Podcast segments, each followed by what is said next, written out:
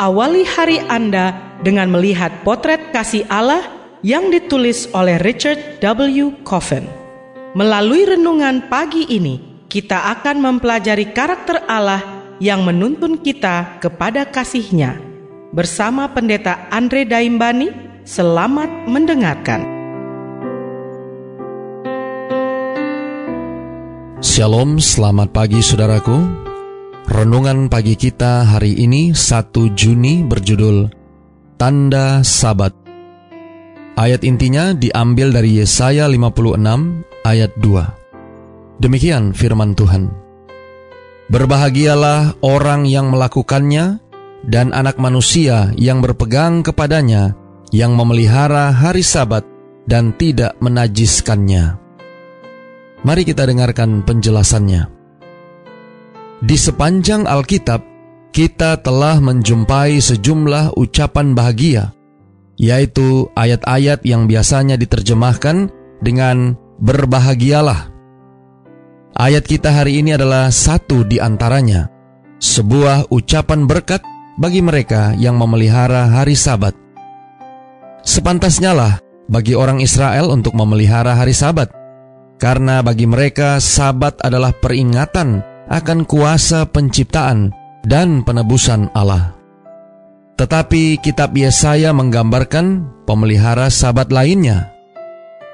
Yesaya 56 berharap bahwa orang asing pun akan menggabungkan diri kepada Tuhan untuk melayani Dia dan untuk memelihara sabat dan tidak menajiskannya dan yang berpegang kepada perjanjianku dicatat dalam ayat yang keenam. Dari ayat-ayat lain di Perjanjian Lama ditemukan bahwa orang-orang bukan Israel memandang diri mereka sebagai orang luar yang tidak layak. Di sinilah pintu terbuka bagi mereka untuk melayani Tuhan dan merayakan Sabat bersama dengan orang Yahudi.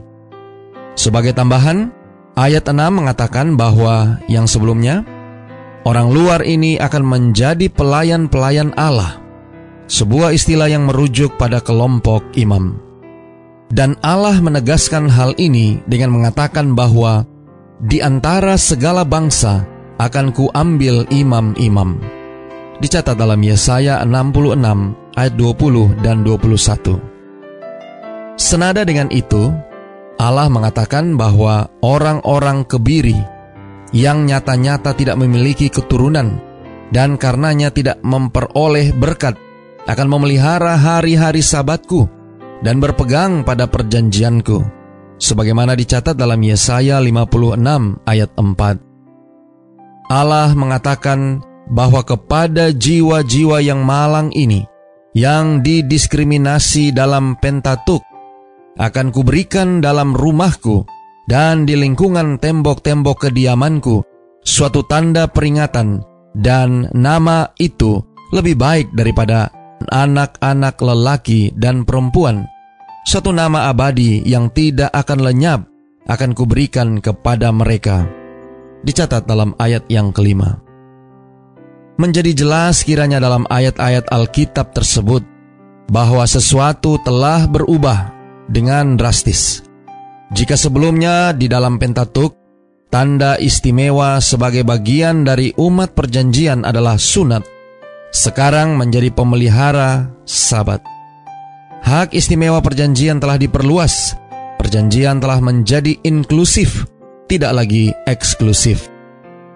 Saudara-saudara yang kekasih di dalam Tuhan, Tuhan menghendaki untuk mengumpulkan segala bangsa dari semua bahasa, Menurut Yesaya 66 ayat 18, dari Tarsis, Libya, Lydia, Tubal, dan Yunani. Mereka akan tiba di Yerusalem di atas kuda dan kereta dan di atas usungan, di atas bagal dan unta betina yang cepat. Dicatat dalam ayat 20. Aku akan berkenan kepada korban-korban bakaran dan korban-korban sembelihan mereka yang dipersembahkan di atas mezbaku, sebab rumahku akan disebut rumah doa bagi segala bangsa. Dicatat dalam Yesaya 56 ayat 7. doa kita hari ini. Bapa, terima kasih. Melalui renungan pagi ini, kami boleh diingatkan tentang hari yang Engkau telah asingkan, yaitu hari Sabat. Terima kasih melalui renungan pagi ini, kami diingatkan akan pentingnya hari yang Engkau telah asingkan ini. Tolong kami hari ini Bapa, biarlah dengan pertolongan kuasa roh kudusmu, kami boleh dapat disanggupkan untuk boleh dapat memelihara sabat seperti apa yang bangsa Israel telah lakukan di masa yang lampau, boleh menjadi berkat juga bagi kami di saat sekarang ini. Terima kasih Bapa. Inilah doa dan permohonan kami kepadamu. Semoga Tuhan senantiasa memberkati kita sekalian sepanjang hari ini saat kita melakukan aktivitas kita masing-masing.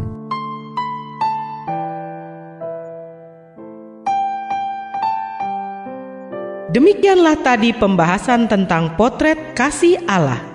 Semoga firman Tuhan hari ini dapat menjadi berkat bagi Anda. Sampai jumpa, Tuhan memberkati.